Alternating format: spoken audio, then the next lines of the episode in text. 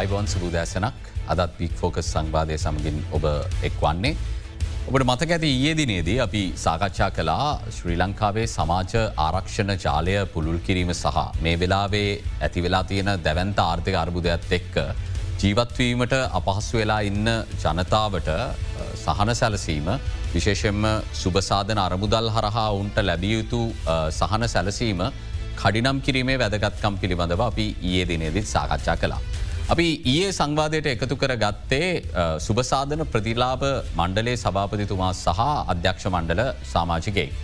ඒදි අපි කතාකරපු දේ තමයි දැන් මේ ප්‍රතිලාභ සඳහා ඇදුම් කරලා තිබුණත් ලක්ෂ තිස් හතකට වැඩි සංඛ්‍යාවක් මේ වන විට ඊට අදාළ සංගණනය කිරීම සඳහා විශේෂ බාධාවන් කීපයක් නිර්මාණය වෙලා තියෙනවා කියලා. අද මේ බාධාවන්ට අදාළ පාර්ශවයක් එක්ක සාකච්ඡා කරලා ඒ තත්වය මොකක්ද කියලා පැහැදිලි කර ගැනීම තමයි බික්‍ෆෝකස් සංවාධය අරමුණ බවට පත්වවෙන්නේ. මාරාධනා කළේ සමස්ස ලංකා සමුෘධී සංවර්ධන හා කෘෂි පර්ේෂණ නිලධහරන්ගේ සංගමය නියෝජනය කරමින් නියෝජිතයෙන් දෙපලකට. එහි සභාපති කිත්සිරි ගමගේ මහත්මයා අයිවාන් කියල පිළිබ. ඒත් එක්කම එම සංගමේ බහන්ඩාගාරික එම් අන්වර් මහත්මයටත් ඇරයුම් කලා ඔබතුමාවත් අයිවාන් කියල පිළිගන්න. සභාපත්තුමා මේක මේ රටේ මේ වෙලා තියෙන ප්‍රධාන අවශ්‍යතාවයක් කියන කාරණය ගැන කාටවත් විවාදයක් තියෙන විදියක් නැහැ මේ ප්‍රතිලාබ ලැබියයුත්තන්ට ප්‍රතිලාබ ලැබීම. දැන් ලක්ෂ තිස් සතයි විසි දහසක අයදුම් පත්‍ර සංඛ්‍යාවක් අතරින් ගතවුණු මාස කිහිපේම මෙතෙක් සංගණනය කරලා නිවරදි ලෙස ලියාපදිංචි කරවාගන්න හැකියාව ලැබිලා තියෙන්නේ එක් ලක්ෂ හතලිස් දහසක පමණ සුළු ප්‍රමාණයක්. තැන් සංඛ්‍යාත්මකව කිව්වොත් විසි හයදහසක් ලියාපදිංචි වෙලා ඉන්න ප්‍රතිලාප මණ්ඩලය තුළ නිලධාරීන් විදියට ගිනුම් විසි අයදාහත් තිබුණාට මෙවෙදි වැඩ කරන්න හයදස් ගානයි නිලධාරී. ඇයි ඔබතුමල වැඩ කරන්න ඇත්තේ. අපි වැඩ කරන්න ඇත්තේ මේ සුභසාධන ප්‍රතිලාභ පනත දෙදස් දෙකේ අංක විසි අතර ධරණ පනත දෙදස් දෙකේ මේ පනත පාලිමේන්තුවට සම්මත කරන්න ගෙන අවස්ථාවවිදිත් මේ පනතේ සංශෝධනයන් සඳහා එදත් අපි පාලිමේන්තුවේ විපක්ෂය හරහා ඉදිරිපත් කලා එක්සත් ජාතික පෙරමුණු ආණ්ඩුව එදා රයින්ලික්කොම සිංහ අගමැත්තුමා තමයි. ඒ ආණ්ඩුවේ අගමැත්තුමා එතුමා තමයි පාලිමින්තුරම පනත ගෙනාව. ඒ වෙලාත් අපි සංශෝධන ඉදිරිපත් කලා මේක තිබුණු යම් යම් බාධාවත් ඉවත් කරගන්න. නමුත් ඒ බාධාවන් නිවත් වනේ නෑ. එදාඒ පනතට විරුද්ධ පාලිමේන්තුවේ චන්ද හැත්තෑ දෙකක් ලැබුණ. ඒ වගේම එකසිය දහයක් පක්ෂව ලැබිල පනත සම්මත කලා තොට අද පාලිමෙන්තු ඉන්න පිරිසෙනුත් වැඩි පිරිසක් ඔය පක්ෂවසා විපක්ෂව චන්දය පවිච්චි කරපු මැති ඇමතුරු මන්ත්‍රවරු තමා ඉන්න. හැබැ අපි ඒ වෙලාවෙත් මේ අඩුපාඩු පෙන්ල දුන්නත් අවසානුවේ පනත ක්‍රියාත්ම කරන්න ලැබුන් නැහැ මේ පනතය අඩුපාඩු සහිතවම එහෙම යට ගියා. දොකට දෙ මේ අවුරුද්ධ විස්සකට පස්සේ තමයි නැවත මේ පනත බලාත්ම කරලා තියෙන්නේ. ති එතෙන්දී අපි පෙන්නල දෙන්නේ මේ පනතේ තියෙන අඩුපාඩු විදියට විශේෂයෙන්ම මේ ශේෂත්‍රයේ රාජකාරි කරන නිලධාරීන්ට සුවිශේෂී දඩුවමක් වෙනත් පනතකින් දැන් අපි අනු පහේ ඉඳල සමුෘධ අධිකාරි පනතෙන් වැඩ කරා. හරි. ඒකම දෙදස් දාහතරඉදල මේ දක්වා දිවිනැගෝ පනතෙන් වැඩ කර. දැ ඒව පනත්වොල නැති වගන්තියක් ඇතුල් කරල තියනවා රාජ්‍ය සේවකින් විදියට අපිට. රාජ්‍ය සේවකින්ගේ වැරද්දක් සිද්ධ වනාම යාලට යම් විනය ක්‍රියාමාර්ග ගන්න මුදල් රෙගුලාසි සහ ආයතන සංගහය ප්‍රතිපාදන තියෙනවා. ඒ තියෙද්දි මේ පනත හරහා සුවිශේෂී දඩුවමක් පනවල තියෙනවා අංක විසි එක හා විසි දෙක යන වගන්තිවලින්. ඒ අනුව අපි එදත් කිව මේ වගන්ති දෙක අපට ඉවත් කරලද. මේ පිළිබඳව අතිකරු ජනාධිපත්තුමා රයින්ලික්කවසි මැත්තුමාටත් අපි ඔක්තෝම්බර් හයවිද සාකච්ඡාවකද කරුණු ඉදිරිපත් කළ. අපි අගමැත්තුමාටත් මේ සම්බන්ධය සාකච්ඡා කල කරුණු ඉදිරිපත් කර. ප්‍රතිලාබ වන්ඩේ සභාපත්තුමාට කරුණු ඉදිරිපත් කර. මුදල් අමාත්‍යන්සේ රාජ්‍යමත්තුමා ඇතුළු ඒ නිල්ධාරට කරුණු ඉදිරිපත් කළ හැබැයි අපිට මේකට සාධාරණ විසඳුමක් ලැබුණ නෑ. ලැබුත් නැති නිසා අපි වෘතිය සමිතියක් විදියට අපි ක්‍රියාමාර්ගයක් ගත්තා මේ පනතේ මේ වගන්ති දෙක සංශෝධනය වෙනකං අපි මේ රාජිකාරය ප්‍රතිලාබ මණ්ඩලයට අදා. අපි සමුෘධ පාර්තුවන්තුවේ සයෝකයෝ. සුපසාධන ප්‍රතිලාබ මණ්ඩලේ වෙනම ආයතනයක් පැදිලි. ඒක නිසා ඒ ආයතනයෙන් අපිට පවරන රාජකාරි මේ පනති වගන්ති සංශෝධනය වෙනකං නමුත් මේ රාජරන්නේ පැවරෙන්නේ ප්‍රාදේශලයකම් වරු හරහා ඒ නිල වශයෙන් නීති අනුකූල පැවරෙන් රාජකාරයක් ඔබතුමල නීත්‍යයනකුල අපට ප්‍රාදිශයලය කමරු හර පැවන රාජකාරයක් බව ඇත්ත. නමුත් මේ පනතේ ප්‍රධාන ප්‍රශ්නය තියෙන්නේ මේ වගන්ති දෙක ඇතුළ තියෙනවා නිලධාරයා සිරගත කරන්න. නිලධාරයාට මුදලින් දඩුවමක් දෙන්න. හරි අපි අපි අපි වගන්තයට ගියොත් මේ ඔබතුමාල කතා කරන්නේ සුභසාධන ප්‍රතිලාබ පනතේ විසියෙක් වන වගන්තයට අපි මුලින් ගියොත් එහි දැක්වෙනවා. මේ පනතයට එත්තේ ස්වකීය බලතල ක්‍රියාත්මක කිරීමේදී හෝ කාරය හෝ කර්තාව ඉටු කිරීමේදී දැන දැනම හෝ ඉතාමතාම අසත්‍ය හෝ වැරදි යම් තොරතුරක් මත ක්‍රියා කරන යම් රාජ්‍ය නිලධාරයෙකු වරදකට වරදකරු වන අතර මහේස්ත්‍රාත්වරයකු ඉදිරියේ පවත්වන් ලද නඩු විභාගයකින් පසු වර්ධකරු කිරීමෙන් පසු රුපියල් දස දහසකට වැඩි දඩයකට හෝ අවුරුදු එකට වැඩි කාලයක් සඳහා බන්ධනාගාර ගත කිරීමට හෝ ඒ දඩය හා වන්දනාගර ගත කිරීම කියන දඩුවන් දෙකටම අයිති වෙනවාගේ. මේක පැහැදිලිව කියවෙනවා බාණ්ඩාගාරයකතුමා අසත්‍ය හෝ මේක කියන දැන දැනම හෝ සිතා මතාම අසත්‍ය හෝ වැරදියම් තොරතුරක් මත ක්‍රියා කරන යම් රාචි නිලධාරයකු. ඇයිතින් ඔබතුමාල බයවෙන්න ඔබතුමාල හිතාමතාම හෝ දැන දැන මෙහම වැරදි වැඩ කරන්න හැන. නෑ මේමයි මේ පනත ඇතුළේ මේ පනතත් එක්ක දැන් අපි දැන් රටේ සානාධාර ක්‍රියාත්ම කෙනවනි දැන්ට සානාධාර ක්‍රියාත්ම කෙන. තොර මේ සානාධාර ක්‍රියාත්මකෙද්දී දැ රටේ සමහරක් තැන්වල පොදු මතයක් තියෙනවා දැන් සමරක් නිසුසන්ට සානාධාර දීලතිය. සුසන්ට සානාද ලැබින්න මතයක් පමණද නිවැරදිනයක් දේ මත? නෑ මතේ සමාරක් පොට්ටාසල යම් තාක්කල් නිවැරදිවෙන්ට පුළුවන්. නමුත් ඒක පොදු මතයක් තියෙනවන. ඒ පොදු මතේ තිබ්බා වනත් දැ මේ පනතෙන් ගෙන කාරණාව තියෙන්නේ දැ යම් කිසි පුද්ගලෙක්. ද අපි දන්නේ නෑ නිලධාරියෙක්. දැන් ඒ ගෙදර නිවසකට ගියාට පස්සේ ඒ නිවසේ දැන් සාමාන්‍යයෙන් ද මේක උදාහරන්න තියෙනවා. සාමාන්‍ය මේකුණ නිර්ණයක දීලතින. එතොට නිර්ණයකනුව සමහරක් වෙලාවට කියනවා සාමාන්‍ය වාහන සම්බන්ධයෙන් දීලා තින නිර්ණයක අනුව සාමාන්‍ය සීසි එක සීසිපා කැපැස් ඉංජින් ධරිතාව තියෙන වාහනයක් තියෙනවනම් ඒ පුද්ගලය දිලුන්දන් නොවේ කියන කාරණාව. ද සාමාන්‍ය මට්ට මේ තීරෝධ රථයක් අද සාමාන්‍ය දුප්පතාගේ වානය හැට තම කවරු සලකන්. තොට මේ තීරෝධ රථයක් අපි නිවසකට යනකොට සමාර කරද කොළොම් ප්‍රදේශය අපි දැක්කොත්තේම වැඩි හරියක්. ඒගුලන්ට තීරෝධයක් සමාරලාට හිමි ද ඒක වෙනකාට පිට පුද්ගලයකුට තමයි දීලා හයර් දෝලවල ඒගුලන් ජීවත්වෙන්. සාමාන්‍ය පවුල් තිය නොහෙම මේ රටේ එවුන නෑ කියන්න බෑ. එතෝට දැන් යන නිලධාරය සංගණ නිලධාරයා ඒ නිලධාරයාට දැන් යන වෙලාට දැ පවුල ඉන්න ගෙදර ගෘහමූලිකයක් කිවනගේ මට එහෙම තීරෝධතයක් නෑ. හරි මම ජීවත්වෙන්නේ බොහොම අමාරුව. නමුත් යන නිලධාරයා ඔන්න ඔයටික පුරුවගන නිකං හරි ඒ මනුස්සයට සහනාධාරය ගියොත් අන්න එතන තමයි ඔය පනතේ වගන්තය ක්‍රියාත්මක වෙන්නේ. අන්වර්මාත්මය දැ විසිවැනි වගන්තියද. විසිවෙන වගන්තය මේ පනතේම තියෙනවා එහෙම අසත්‍ය තොරතුරු ඉදිරිපත් කරලා ලබා ගැනීමේදී වගකින් පැවරෙන්නේ අසත්‍ය තොරතුරු ප්‍රතිලාබ අපේක්ෂාවෙන් ඉදිරිපත් කරන තැනැත්තාට. එතකොට ඔබතුමාල මේක දැන දැනම හෝ හිතාමතාම සහයෝගේ ලබා දුන්නොත් විතරයි මේ මේ වගන්තය ඔබතුමාලට අදාලවෙන් නෑනෑ ඒකත්ක විසිය ආදාල කර ගණ්ඩුවකි ඕ විසියක තම මං විස්ත දැන දැනම හෝ හිතාම නෑ ඒක තියෙන අව්‍යාජත්තය කියන කාරණ. ඒ විසි දෙක අව්‍යාජත්තය කියන කාරණාව තියෙනවන. අභ්‍යාජත්වය නිශ්ෂය කර ගැනීමට මණ්ඩලේ යම් නිලධහරයක හෝ යම් තේරීම් කමිටුක සාමාජිකයකුට නොහැකි වූවිට ඕ එතවට දැන් අපි දැන් අපිට දැන් බොරුවක් ඒ පුද්ගල බොරුවක් කියලා ප්‍රතිලාබේ ගත්තට පස්සේ හරද අපිට දැන් යාකීප බොරුව ඔප්පු කරගන්න අපිට බෑන. යාද සමරක් දැන් වැඩ රටේ ලෝක අද තියෙන තත්වය අනුව වැඩි හරියක් දෙෙන සාමාන්‍ය මට්ටමෙන් බොරු කියලතම කියන්නේ. ප්‍රතිලා බණ බණ ගන්න උදාහරනෝ ත්‍රීවිල් එකම තමයි.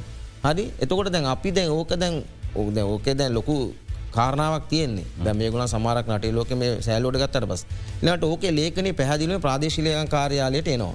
ප්‍රාදේශිලයන් කාරය ලයිස්ටු ගතය ලයිස්ටු කතකුණට පස ඒක ග්‍රාම නිල්ධරි කාරයාලටත් එෙනවා. ආර්ථික සංගල්ධරි කාරයට එනවා ද එහෙම එනකොට සමහරක් කලට ලයිස්තුවේ ඉන්න පුළුවන් අර ත්‍රීරෝදරත තියෙන පුද්ගලට සානාදර හිමි කියෙන කාරණාව තියෙන්ට පුළුවන්.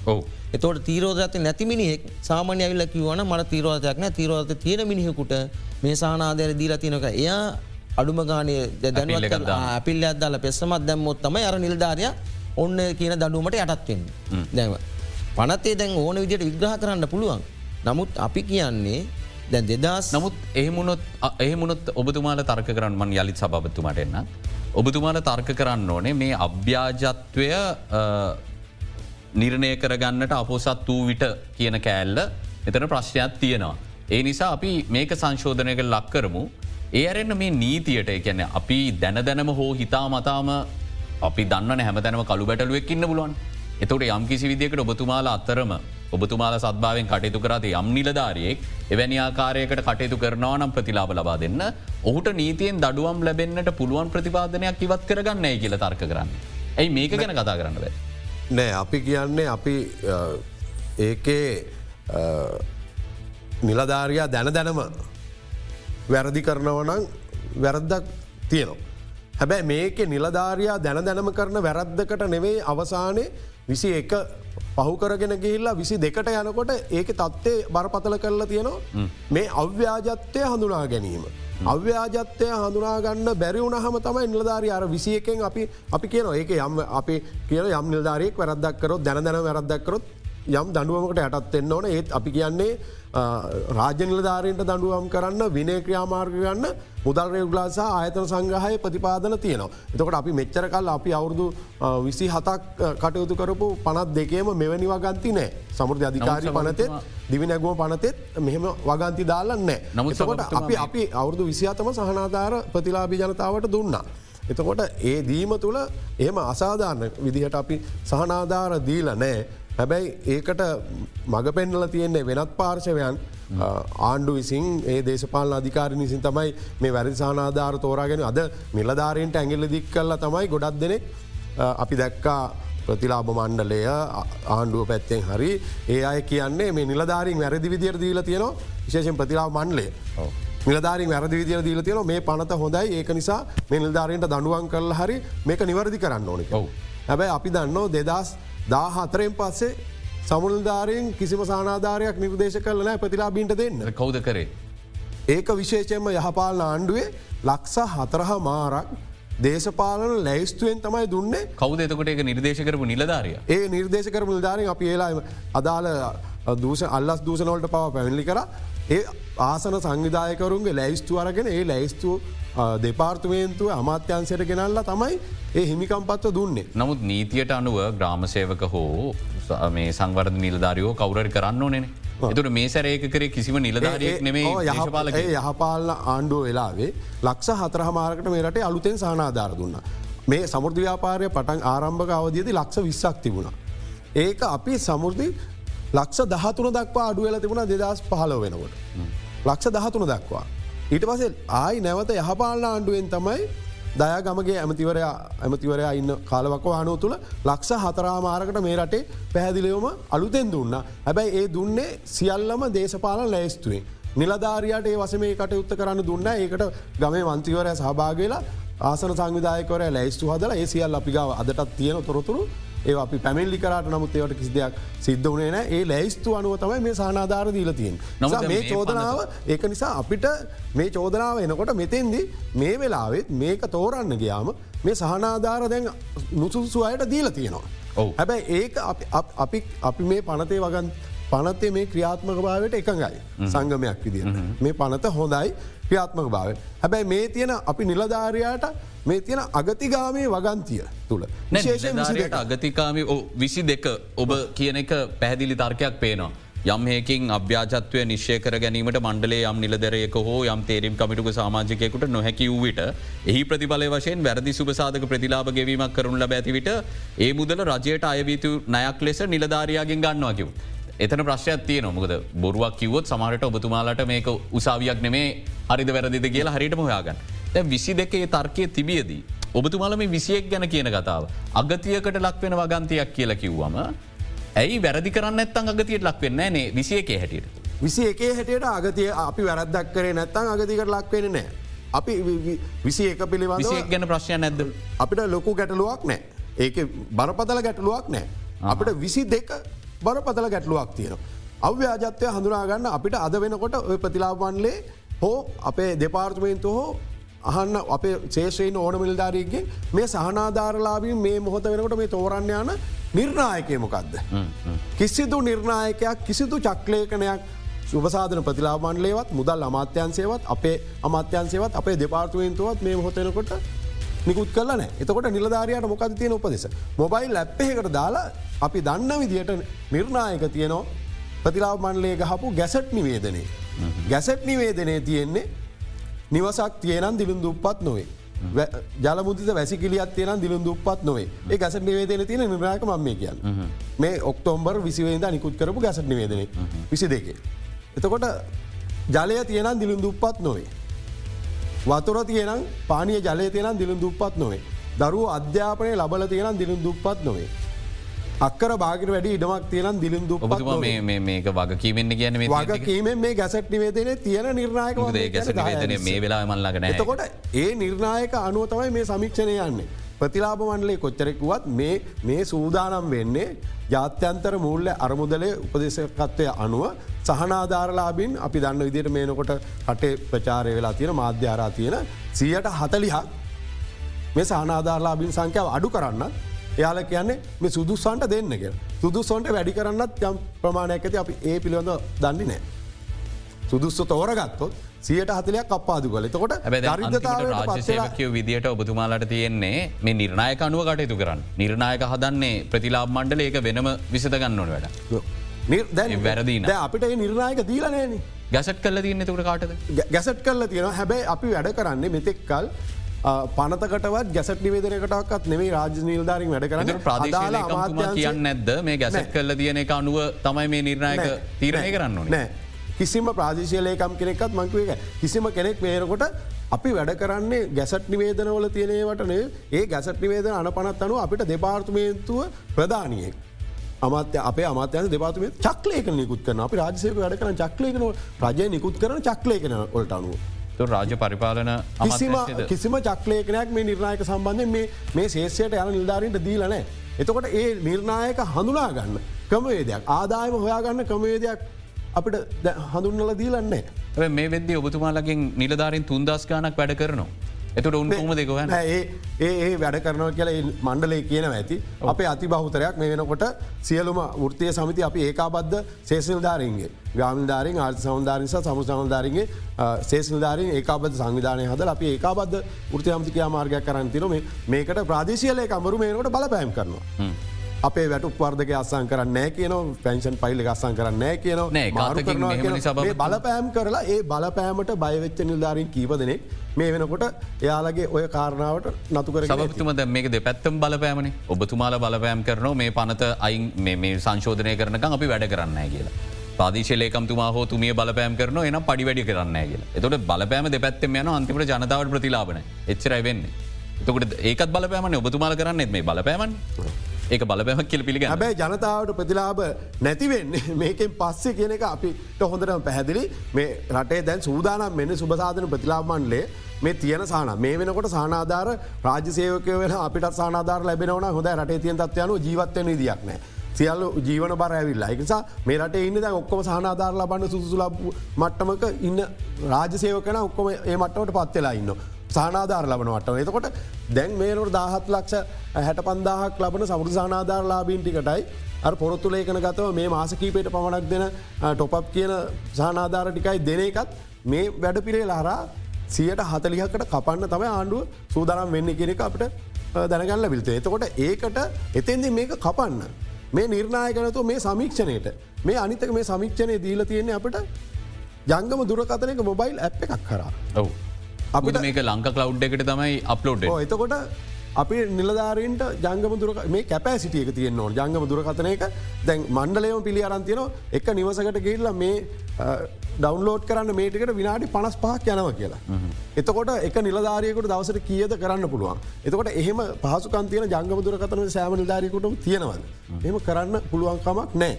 ඒක නිසා ඒ ඒකම ඒක ඒම පොලවලින් කරන්න විදින්න නැද එහම එහෙම අපි කියන්නේ දැ මේකේ දැන් ප්‍රතිලාභියා වැරි තොරතු දුන්නා කියලා හඳුනගන්න තරන්න ප්‍රතිලාභියකය මම ඕව කිව්වි නෑ කියලා. ඇයි අපි ඩවන්ලෝඩ් කරන්න මොබයි ලැප් එකක් කරන්නේ. එතට කොහොමද ඔය වග විසිවනි වගන්තයනුව ප්‍රතිලාභියක නෑ මං ඒව කිව්ව නෑ. මොකුත් ලියවිල්ලක් නෑ. සනාත කරන අස්සනක් ගන්න කමයක් නෑ. මොබයි ලැප්පේ කරන අපි තොරතුරු ඩවන්ලෝඩ් කරන්න. මොනාදතන් ඩවන්ලෝඩ් කරන්න ඕන තොරතුර සංඛ්‍යාව? එයාලා දැන් ස්ලයිඩ් ඩවන්ලෝඩ් කරනද අප්ලෝඩ් කරනද? අප්ලෝඩ් කල අපි ඒට දෙන්න ඔන්නේ ඕ අප්ලෝඩ් කරන ඕ එතකොට ඒකේ අපිට ඔය ගැසට් නිවේදනය තියෙන නිර්ණයක තමයි මේ අය ඔය ඇප් එකට ඇතුල් කරලා තියෙන්නේ. ඔවු. එතකොට ඒ අනුව තමයි යාල ඒ කියන අපි තම මණ්ඩලේ කියන අපි තම කපන්න වාලට ප්‍රශ්යන්නෑක හැබැයි අපේ නිලධාරයානය ගෙයින්ගෙට යන් ඔවු. අපේ ජනතාවට නිදහස ලබපු දවසේදම් සහනාධාරවලට පුරුදු කරලා තියෙනවා ලේවලට බට්ටලා තියෙන. එතකොට මේක කැපුහාම මිනිස්සුන්ගේ අතපය කැපුව වගේ. එතකොට මිනිසු තරාවෙනවා කිය ප්‍රශ්යද වේදී ඕ එතකොට මේක අවි අමෝරාගෙන ගමේ මනුස්්‍යයා එන්නේ වසමේ තමන්ගේ ගෙදරට ආපු නිලධාරය හොයාගෙන. සමෘතිය කැපුව කියලා. ඕ වැඩි ඔන්න කොරෝනාධාර දෙන්න කියලා තපිල් ධාරීන්ට විධ අඩත්තෙටන් සෑහනකට මුණ දෙන්න සිද්ධ වන මතකයි. එතකොට මේ ආදා සහනාධාර අප මිනිසුට පුරුදු කරලා අවසානය අපේ නිලධාරීන්ඒකට මේ බිල්ලට දෙන්න තමයි මේ සූදානම් වෙන්න. ඒකස අපිට මේක ලොකු අවධානවත් තියෙන නිසා මේ අව්‍යාජත්‍යය හඳුනාගන්න බැරුව මේ කාරණාවට අපි එකඟනෑ මේ පනතුමේ විසිදනි වගන්තිය. ද අන්වර්මාත්ම මේක අතීතයට බලපාන්න නැහැ කියල තමයි කියන්නේ. දැම් මේක කොහොමත් මේ ප්‍රතිලාබ ක්‍රමේ ක්‍රියාත්මක වෙද්දිය වැඩීට දීමනාව වකුගඩු දීමනාව එතකොට සමුෘදිය මේ සියල්ල අවලංගු වෙලා මේ අලුත් ප්‍රතිලාබ ක්‍රමයකට තමයි මේ සියල්ල තොරතුරු ගන්න උත්සා කරන්නේ නිසා කලින් දීල තිබ්බේ හරියටද වැරදියට නෙමෙයි මෙතැන් සිට හරියට මේ වැඩේ කරනවා නම් කාටවත් ප්‍රශ්නයන් නැහැ කියල කියන්නේ මොක ඔබතුමාල මේ සදා කියන්න. මෙහෙමයි දැන් අපි දැන් උදාහරයට ගත්තොත්තේම දැන්ටම සභාවත්තුමා කිවවාගේ ද සමුෘදධ සහනාධාර ගත්තන දහත් ලක්ෂයක් ප්‍රමාණය ඒත් එකම වැඩිහිටිය ආධාර වගුගඩු ආධාර ආභයිතාධාරකින ආධාර සියල්ලම තිබ්බ. තොට දැන් මේගොලන් මේ ක්‍රමේ හදන්ඩ යන්නේ දැන් සාමයගොලන් මේ ක්‍රමේ ක්‍රියාත්මක වෙන්නේ අවුරුද්ධයි. මේ සානාධාර දුන්නට පස්සේ එක යන්නේ අවුරුද්ධකට. එතෝට දැන්ට මේ ප්‍රතිලාබ ඉල්ලුම් කරපුවා ඉන්නවානි. එතෝට දැන්ට ලබනය මේ ලබන අය නිකමට හරි එක්කෙනෙක් හරි ඔය ඇපලිකේෂනය පුරුවල දුන්නේ නැත්තම් මගෑරල තිබන එයාට ලබන අවුදු සානාධාරි නෑන.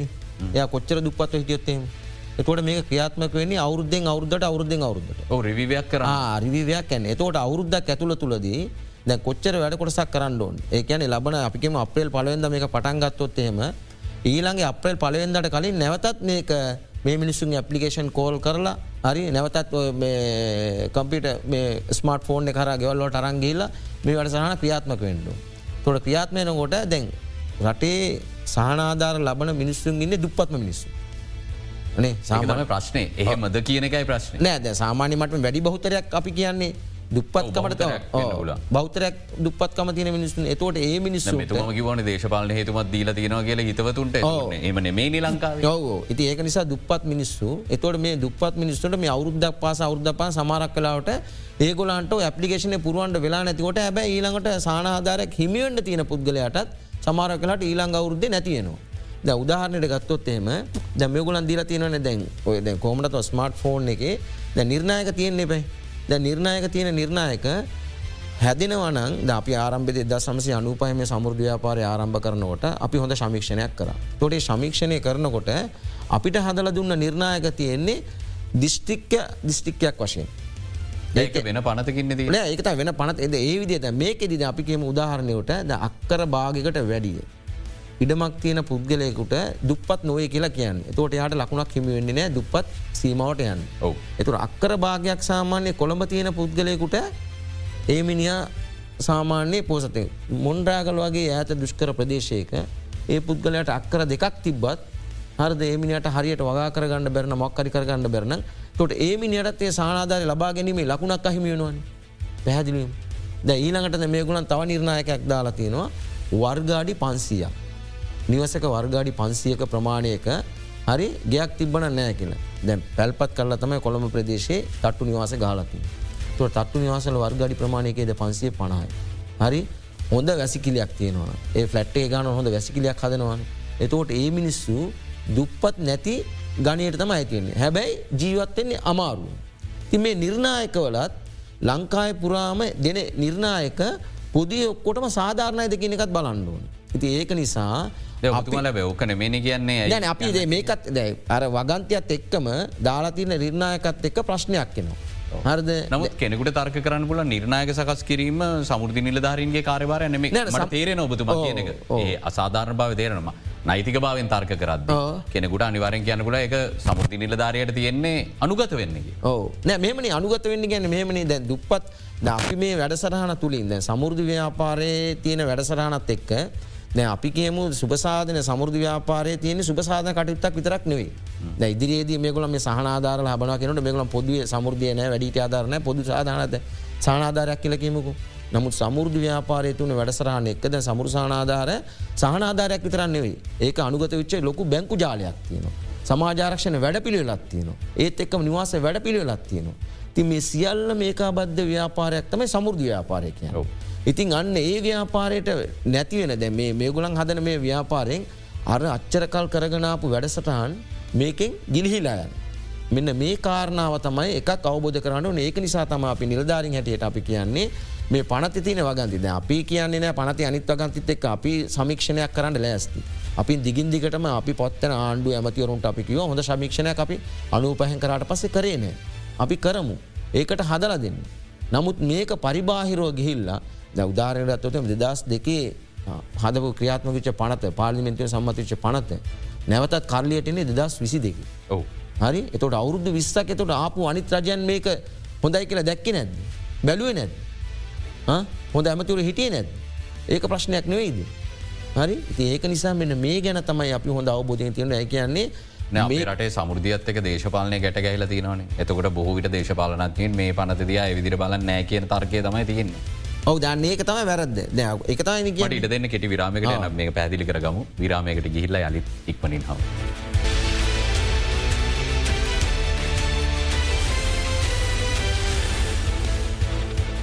සමස ලංකා සමුෘධී සංවර්ධන හා කෘෂි පර්ේෂන් නිලධහරි සංගමේ නියෝජිතවරුන් සමඟ සාකච්ඡා කරන්නේ සභාපතිතුමා සහ බාණ්ඩාගාරකතුමා රැඳී සිරිනවා අපිත් එක්ක සභාපතිතුමා කිත්සිරි ගමගේ මාත්මය දැන් අපි පැහැදිලි කරගමු. විරාමයට කලින් අපි කතා කර මෙතන ප්‍රශ්න කිහිපයක්ම තියෙනවා කියලා. එකක් පනදේ තියෙන වගන්ති අනිත්තක නිර්ණයක. තුර කිව්වොත් හරිද? සමුෘධි නිලධාරින් මේ ශේෂත්‍රයට කියල මේ සංගණන කටයතුවලි නිවත්වෙලා ඉන්නේ. එකක් පනත සංශෝධනය කරන්න ඕනේ අනිත්තක නිර්ණයකත් සංශෝධනය කරන්න. අපි ගන්නේ මේ පනතඩානුව නිර්ණයකවලට වඩා මේ ප්‍රධාන විසි දෙවනි වගන්තිය අපට ඉවත් කරලා දෙන්න කියන කාරණාවතමයි ප්‍රධාන කාරණාව. විසි දෙක විසි දෙක පැහැදිලව විසි දෙක. විසි දෙක අපිට බරපතල ගැටලුවක් තියෙනවා එක නිසා අපිට මේ වගන්තිතිය. තකොට අපි සහනාධාරලාබින් සංශෝධනය කරන්න එකඟයි. අඩු ආදෑම් ලාබීන්ට අලුතෙන් දෙන්නත් වැඩි ආදායන් ලබනයි ඉන්නවන එයා ඉවත් කරන්නත් නිවැරදි සමීක්ෂණයකට අපි සීයට සීයක් එකඟයි. එතුර මේ නිර්ණයකවට එක වෙනවා විසි දෙකයින්කරොත්. මේ නිර්ණයක සම්බන්ධයනුත් අපට බරපතල ගැටලු තියනවා ඒක මේ නිර්ණයකොල අර බණ්ඩගාරිකතුමා පෙන්නල දුන්නු දෝස තියනවා. එතකට මේ නිර්ණයක මේක කොහත් සමාජගත කරලා හොඳ සාකච්ඡාවට ගෙනල්ලා අපි දන්නාකාරයට හදපු නිර්ණයක නෙවේ මේ ලහිලාහිය ගැසට නිවේදනකට අවශ්‍ය මේ සහනාධාරටික කපන්න විතරක් හදපු නිර්ණයකයක් මිසක්ක මේ තුළ හොඳ නිර්ණයක විශ්ලේෂණය කරලා රටේ තියෙන භූවිෂමතාවය ඒ නාගරීකරණය ගම පිළිබඳව අවබෝධයෙන් මේ නිර්ණයක හදලා ඒ නිර්ණයක නිලධාරයාට දීලා මේ වැඩේ සාර්ථකව කරන වැඩ පිල්ලක් මේ තුළ අපිට පේන්න නෑ මේ ලහිලයියේ ජාත්‍යන්තර මූල්‍ය අරමුදලේ උපසක් විදිර මේ අය මුදල්ටිය ගන්න සානාධාරටික කපනෝ කියන එක පෙන්න්න ගන්න ඕ නිසා හදිස්සියට කලබලේ දඩිවිඩිය කරන වැඩක් විදිටයි අපිට මේක පෙන්නල දෙන්නති මට පැහැදිලි කරගන්න ඕන මේක දැ විසි දෙක සංශෝධනය විය යුතුම කියන කාරණයමට පැහැදිලි. නිර්ණයක සංශෝධනය විය යුතුද නැද්ද වැඩ කරන්න. නිර්ණයකත් සංශෝධනය විය යුතුයි අර භූවිෂමතාවේ රටේ රටේ සම රටේ භූගෝලිය පසුබිම සහ ආර්ථික පසුබිම් පදනම් කරගෙන ඕන නිර්ණයක හැදන්න. යනු තියෙන පනිවසක් තිබුණු පලියට මනුස්සේක සානාධාර කපනකවත් මනුස්සෙකු ත්‍රීවිල්ලයක් තිබුණු පලියට කපන එකක්ත් තමන්ට ජලය විදුලිය තියෙන නිසා සානාධාර කපන එකවත් නෙවේ ඊට වඩා එහා ගිය සමෘධ ව්‍යාපාරය තුළ අපි මේනකොට විශාල පිරිසක් සමෘධ ව්‍යාපාරයෙන් එහාට සවි බල ගැන්න පවුල් ඉදිර ගිහිල්ල තියෙනවා. තව සවි බලගන්නල තියෙන අපි ඒක නිසා විශාල සමෘධ ව්‍යාපාරය සමහරලාට සමහරයි කැනම සහනාධාර වැඩ සටනක් විතරක් කියලා කියන්න සූදානම් වෙනවා. අපි මේ වෙනකොට ණය විදිහට මිලියන දොළහකට ණය විදිහට මිලියන දොළහක් ණය සංඛ්‍යාව. එතකොට අපි සමුෘධි බැංකුව කෝටි හාරසිය බිලියන හාරසිය විසි අතරක්. ණය විදිහට ප්‍රතිලාබි ජනතාවට දීල තියෙනවා. මේ රටේ කුඩා කණ්ඩායම් විදිර පස් දෙනාගේ කුඩා කණ්ඩායම් තියනවා ලක්ෂ පහක්. ග්‍රාමිය ප්‍රජාමූල සංවිධාන තිස්දාහක් තියෙනවා. එතකොට ඒ හරහා අපි ක්‍රියාත්ම කල්ල මේනකොට සමෘධ ව්‍යාපාරයේ මූලික ධනය තියෙන වත්කම තියෙනව බිලියන් දෙසිය විසි පහක් විතර. දෙසිය විසි පහක් විතර. මේ වෙනකොට සමෘධ ව්‍යාපාරයට බාණ්ඩාගාරයක් බිලියන් හතලිස් එකක් නයයි කොරෝන ආධාර දෙන්න සමෘධයෙන් ගත්ත සල්ලියෝලට. අපි ඉල්ලීමකුත් කරනව රජයෙන් සමෘධ ව්‍යාපාරය අහිංසක දුප්පත් ජනතාවගේ අරමුදල මේක. ඒ අරමුදලෙන් බිලියන් හතලිස් එකක් බාණ්ඩාගාරය මේ වෙනකොට සමෘති අරමුදලට දෙන්න ඕන. කොරෝන ආධාර දෙදස් විස්සකත් එක. අපි ගෙන එවට ඇද්ද කියලයි. ඔය ඒම කිවොත් නිවරදි ඒ වෙලාවේ අපි රටේ ජනතාව අසිරුතාවට පත් නිසා කොරන වියසනඇත් එක් සමුෘධ ආපාරය අරමුදල් ඒවත් ඒවයි කැබිනත් මණ්ඩල තීන්දුවලින් අරන්තියන බණ්ඩාගාරය නයක් විදිට හැබැයි මේ වෙනකං කොටසක් පියව්වා තවත් බිලියන හතලිස් එකක් සමුෘධ අර මුදලට බණ්ඩාගාරයෙන් එන්න ඕල් මේවදීලත් නෑ. තකොට අපි මේ වෙනකොටත් බිලියන් හැත්තෑවක් සාමාජිකින්ගේ ණය විදිහට අතේ තියෙනවා. දොට අපි හැම පැත්තෙම හැම ව්‍යාපතියක්ම දීලා රටේ ජනතාව නැකිට්ටවන සමුෘධ ව්‍යාපාරය උදව් කල තියෙනවා. සීයට විසි හතකට විතර තිබුණු අපි අනුපහය මේක භාරගන් සමුෘධ්‍යාපාරය තමයි එදා රටේ ප්‍රධානතම සංවර්ධන වැඩ පිළිල කියලා චන්ද්‍රිකා මැතිනගේ ආණ්ඩුවෙන් පටන් ගත්තේ. එතකොට ඒකෙති ඒ වෙනකොට සියට විසි හතකට විතර තිබුණු දුප්පත්කම හැබැයි දෙදස් පහලව විතර වෙනකොට සියට හය දක්වා අඩුවල තිබුණ. හැබැ එතකොට දුප්පත් අඩුවාදෑම්ලාබී ජනතාව නගා සිටවන්න සමුෘධ ව්‍යාපාරය හැර ඔය කාල තුළ වෙන ව්‍යාපාර ඇතිබුන්න. එතකොට ඒකට සම්පූර්ණ දායකවනේ සමුෘධ ව්‍යාපාරය අපි.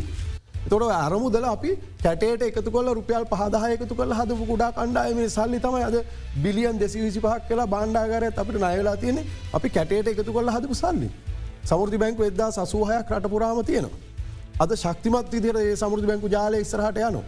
තොට ඒ සියල්ල තියෙද්දී මේ සමහරලාට අප මේ විවේචනයක් තිය නිසා සමුෘධ ්‍යාපාරයකනික සනාධාරවට සටනක් විතරයි කියලා බොහෝ අය ගත්කටනම කියන්න සූදානම් වෙලායින්න හැබැ මේක අභ්‍යන්තරේ ජනතාවට උපතේසිට මරණය දක්වා මේ වෙනකොටත්. උදව් කරන ව්‍යාපාරතය මේ රට සමුෘධ ව්‍යාපාර.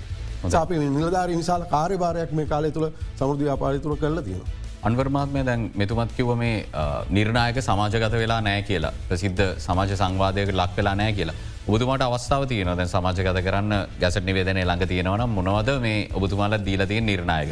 චක්‍රලේකයක් ගල් නැතිවුණට ගැසට් කල්ල තිය නිර්ණයක වනාද කියල කතාකර නෑ ගැසට් කලති නිර්ණය කනුවද මේගොලන් කියලා තියෙනවා සානාධාරයගේ ගෙදරකට ගයාට පස්සේ අම්ම තාත්තා දෙන්න මෙන්න ඕන ඒ පවුල දුපත් නෙවේ.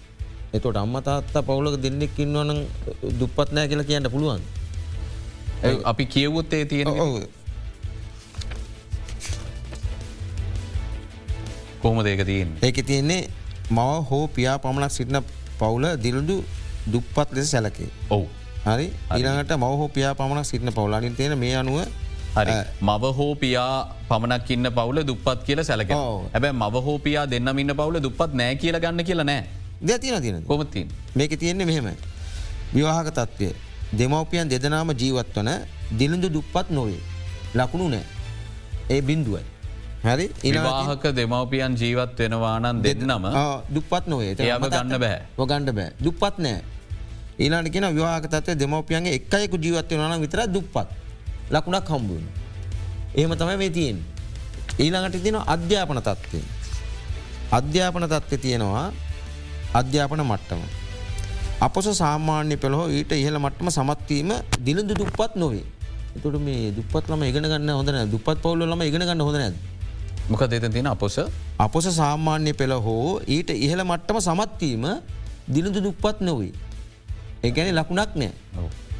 ඒටන ඔත්තන උපකල්පනය කරන්න අපි මෙහෙම කතා කරද්දි. අධ්‍යාපනය ලැබීම කියන්නේ තමන්ට වෘතියක් කිරීමට සහ ඒ හරහා දන උත්පාදනයට බැටුමක් ලැබීමට පවලක් නඩත්තු කිරීමට ලබන සුදුසුකම අපි හැමෝට මේමතම පොඩිකාලිද කියන්න ඉගෙන ගන්න කියක්කරි හොයන්න.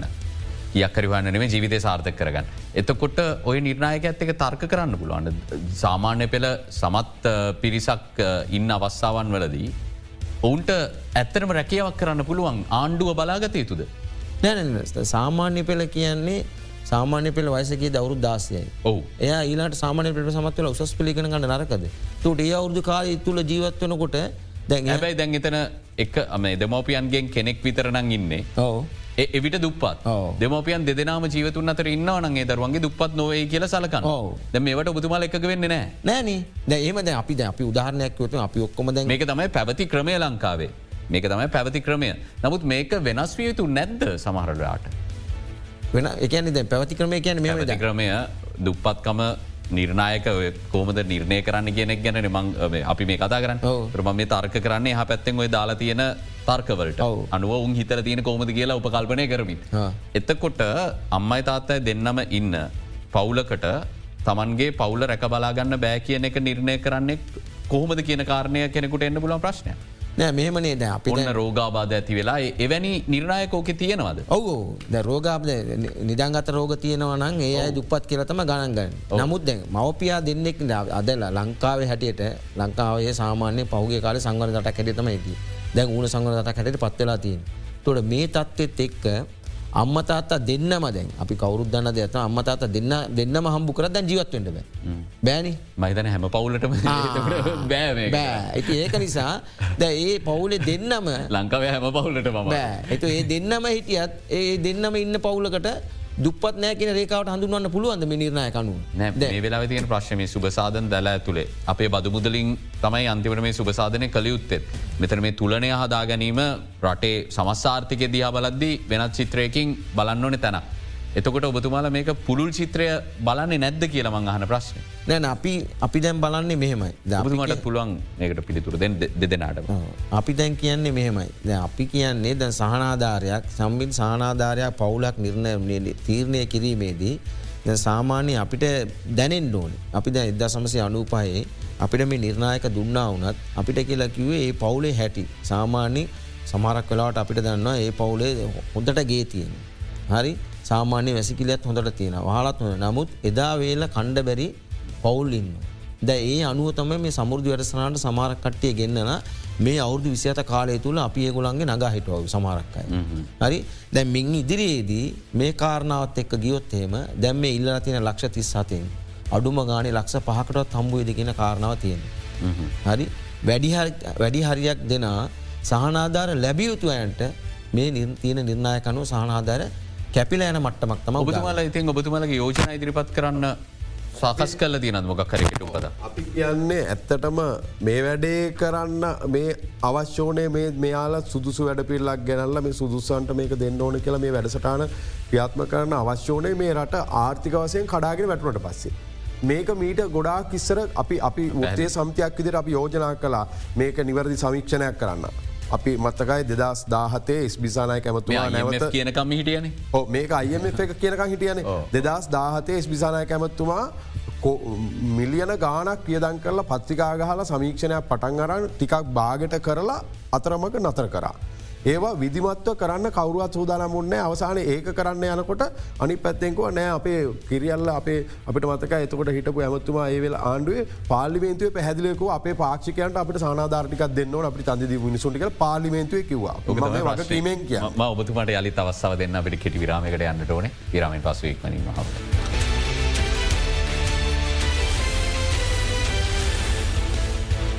යළිත් වික් ෆෝගස් සංවාදය අපි සමස්ස ලංකා සමුෘදි සංවර්ධන හා කෘෂි පර්ේෂ නිලධහරි සංගම සභාපති කිත්සිරි ගමගේ මහත්මය සහහි බහන්ඩාගාරක එම අන්වර් මහත්මඇතක සාකච්ඡා කරමින් සිරින්නේ සභපත්තුම ඔබතුමා කතා කරන අවස්සායම විරාමයකට ගිය යළිත් අවස්ථාවය ඒ කාරණි සම්පූර්ණ කරන්න. අපි පැහැදිලියෝම කැමති සමෘධි ව්‍යාපාරය විදියට මෙතනින් ජනතාව එහාට අරගෙන මේක ජනතාව නගා සිටුවීමේ ව්‍යාපාරයක්. දිලිඳුකම පිටු දැකීමේ ව්‍යාපාරය එහමනැතුව දිලිඳු ජනතාව රටේ ඇතිකිරීමේ ව්‍යාපාරයක් නෙවෙයි. අපි ඒ සම දිරිමත් කිරීමේ ව්‍යාපාරය ව්‍යාපාරයක් නෙවේ කවරු හරි සමහරලාට කියන්න පුල මේ සානාධාර කැපෙනවට අපේ රස්සාාව නැතිවනට මේ අපි සානාධාර කපන විරුද්ධයි කියල මතවාද හදන්න පුළුව මේකට ප්‍රතිවිරුද්ධ මත ධරණය හැබැ අපි එහෙම කිසි සේත්මන අපි කියන හටේ ජනතා මේ සහනාධාර කියන එක මේ පුරදු කරලා පුරදු කල මිස්සු දීපු එක තමයි වැරද්ද වෙලාති හැබැ මේක මේ මේ ජාත්‍යන්තර මුල්ල අරමුදල කියනකං ඉන්න ඕන නෑ මේ වැඩ පිළ ක්‍රියාත්ම කරන්න. සුදුසන් තෝරගන්න නිවැරදි වැඩ පිලක් අපි දිගින් දිගටමකුව සාධාරණ නිවැරදි සමීක්ෂණයක් කරලා අපිටත් අවශ්‍යයි. සාධාරණ සමීක්ෂණයක් කලා එතවට ගමේ ජනතාවටත් දැනුවත්වෙලා විශේෂෙන් දේශපාලන අධිකාරය දැනුවත්වෙන්න ඕන ප්‍රාදේශය දේශපාලච්චෝ දැනුවත්වෙන්න නැත්තන් ඒ අය අපේ නිලධාරීන්ට අවි අමෝරාගෙන නිධාරි මාරු කරන්න විධ අඩත් එට්ටන් කරන්න. මේ සහනාධාර යාලගේ චන්දය බලාපොරොත්තුවේ මේක තමයි නරකමදේ චන්ද කාලට චන්දය බලාපොරොත්තුවයෙන් මිනිසු පොරොන්දු දෙනවා. අපට අපිට ප්‍රශ්න තියනවා. ඒකනිසා නිලධාරීන්ට ගමේ වැඩ කරන්න දෙන්නේ. ඒ ගැටලු අපට දිගටම බලපාල තියෙන නිසා අපි කියන්නේ මේක දේශපාල ව්‍යාපාරයක් කරගන්නතුව සමෘධ ව්‍යාපාරය කියනක හෙට දවසේ මේ රටේ ජනතාව නගා සිටුවන ව්‍යාපාරය බවට පත් කරන්න ඕන. ඒකට ආණ්ඩුවට ලොකු අගකීමක් තියනවා මේ මේ ලහිලාහියේ මේ කටයුත්තට විතරක් මේ වැඩේ කරලා වැඩක් නෑ මේ සුභසාධන පනත හරි එයා සමාන තවත් පනතක් ගෙනල්ලා හරි මේ රටේ සැබෑ සුදුස්සන් තෝරගෙන ඒ අයට නගාසිට අපි මේ ජ- අපේ රටේ ජනතාව අපි කියන්න දුප්පත් කියල. ම ඒ වචන පාච්චි කරන්නවත් කැමති නෑ අපේ රටේ සාක්ෂරතාව ඉහළම තියෙන රටක් අපේ රට. තෝට මිනිසු දුප්පත් නෑ අපේ රට මිනිසුන්ට තිබුණ නැති ආර්ථික ශක්තිය. හැබැයි ආර්ථික ශක්තියට අපි දැවන්ත මේ රට දැවන්ත මාරමුදල හදල තියෙනවා. බිලියන් දෙසිය විසිපහක දැවන්ත අරමුදලක් හදල තියෙන එමිසුන්ට උදව් කරන්න. එහෙන එමිසුන්ට ස්වයන් රැකියාව කරලා රටේ තමන්ගේ අ, තමන් රටේ අ, ආර්ථිකටත් දායක වෙලා තමන උද්දියුණු වෙලා යන්න ආර්ථික හයියක් හදල තියෙන හැබැයි ඒ අරමුදල.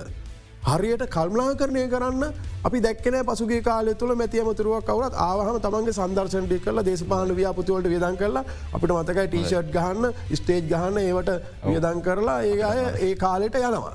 අන්වර්මාත්මය දැන් මෙතුමා කියන සමුෘධි ව්‍යාපාරය දේශපාලන ව්‍යාපාරයක් කරගන්න එපා කියලා. එම දැන් සමුෘද්ධී ව්‍යාපාරය තුළ ඉන්න නිලධාරීන්ටත් මේ දේශපාලනය ගැන තියෙන චෝතනාව රිජුවම එල්ල වෙන මොකද බොහවිට මේ නිලධාරී තනතුරු ලැබිල තින්නේ දේශපාලකින් විසින් පත් කල්ල කියන කාරණය විශාල වශයෙන් තියෙනවා. එතකොට මේක ඇතුළේ විධ දේශපාලන කණ්ඩෑම්බට වෙන්වෙච්ච විවිධ දේශපාලන නත්ඥීන් තුළ බලය තියෙන ව්‍යාපාරයක් කියන කාරණය ගැන තියෙනවන මතයක්. මේක පිටුපස දේශපාලනයක් තියනද මේ වැඩ නොකර ඉඳලා මේ වෙලා යම්කිසි කඩාකප්පල්කාරී අරමුණකට ද මේ ක්‍රියාත්මක වෙන්න පුතුවා. එහම නේ දැන්න දේශපාල අරමුණක් නෑ මේ ව්‍යාපාර පිටිපස් මේ ව්‍යාපාරය තුළ එහම ඇත්තෙත්න එම තිබුණද. නෑ ඉස්සරන ආරම්භෙදී තියෙන් ඇති තිබුණා අපි නෑ කියන්නේ එහම තිබුණ කාලෙන් කාල දේශපාල අරමුණ දේශපාල ව්‍යාපාර කාලෙන් කාල තිබ. නමුත් දැන් තියෙන මට්ටම යනු එහෙමනෑ දැන් අපේ ඉන්න සියලුම නිල්ධාරින් අපේ හිතන්න අපි අවුරුදු ගානක් කන සබවත්මකිවවාගේ අපි ඒ දවස්සලම කිය මේ සානාධාරය ක්‍රියාවලිය තුළ අනිවාර්යම හොඳ සමික්ෂණයක් කරන්න. අපිත් එක ෘති සමතයක් ඇට හොඳ සමික්ෂණය කරන නිර්නායකටය හඳුලා දෙන්නු හැබයි හඳුලා දෙන නිර්ණයක දිස්තික්ෙන් දිස්තිකට පොදු වෙන්ඩ නරක ඒ කියන වෙනස් වෙන්ඩෝනි භූෂ මතාවනු වෙනස් වෙන්ඩුවන් ති මෙන්න මේ කාරනත් එක්තම අපි දිගිතික පැදිලි කර බැද ඉදිරියේදී අපි කියන්නේ පැහැදිලියොම මේ සහනාදර කැන මේ සමුෘධ්‍යාපාරය කැනද මේ ගොලම් මේ හදන සහනාධර ක්‍රියාවලි කොයිආකාරෙන් හදනවත් දන්නේ නෑ නමුත් හැබැයි මේ සමුෘධ ව්‍යාපාරය තුළ අපි ගොඩාග ගොඩනගගත්ත දැවන්ත ජාලයක් තිය. හැබැයි මේ ඉදිරියේදී හදන සහනාධාරය ක්‍රමයත් එක්ක ඒකත් කඩාවැටිලා ඒතන ඉන්න මිනිස්සුන්ටත් උදවක් කරන්න මේ හැකියාවක් නොමැතියෝදෝ කියන ප්‍රශ්නයකුත් කියනවා. එකන බැංකු ජාලයක් තියනද සාමාන්‍ය අපි දන්න මට්ටම තමයි දැ මේ බැංකුට අනුගත විච්ච පිටිසත්තම මේ සමුෘධ ප්‍රතිලාබි හර සිදුවන්. તો නිකං හරි ඒ සය ප්‍රතිලාභයාගේ සහනාදර කැපුණොත්තේම වැඩිහරයක් සමුෘධ බැංකුව ගත්ත නයක් ගෙවා ගැනීම පස්ථාවක් තියන නයක් ගෙවා ගන්න බැරිකමට යන. ඒත්තක මේ සමුෘධ ව්‍යාපාරය තුළ සමාජාරක්ෂණ ක්‍රමවේදයක් ක්‍රියාවලයක් තියෙනවා. කැන මිනිස්සුන්ගේ සානාධරෙන් අඩුම ගාන සියක් එකසේ පනක් කබල සමාජාරක්ෂණ ක්‍රියාවලිය. නිවාස ලොතරයි කියන ක්‍රියාවලියක් තියෙනවා. ති මේ හරහා මේ සමුෘධ ප්‍රතිලාභයාට මේ සමුෘධ ව්‍යාපාරය තුළින් දැවන්ත ආවරණයක් ලබා දුන්න. ඉහලට යන්න.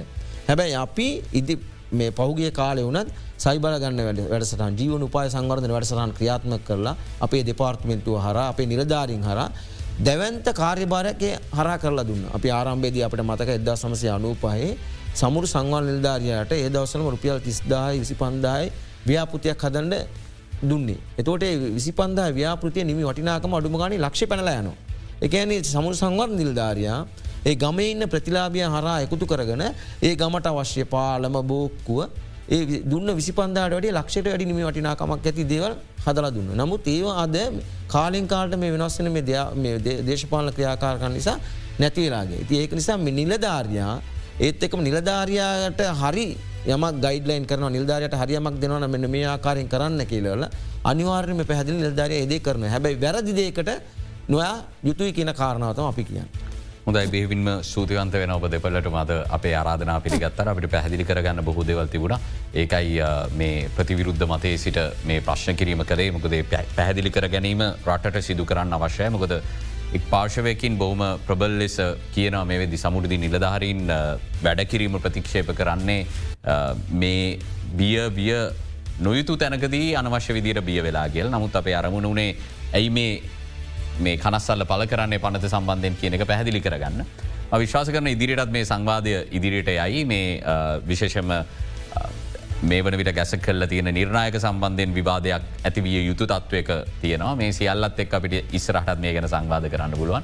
බෙවින්ම සූතිවන්ත වෙන ගම අදට අපි සංවාධයෙන් සබගන්න හැටත් හමුවමු සුපුරුදු වෙලාව. සුපදී.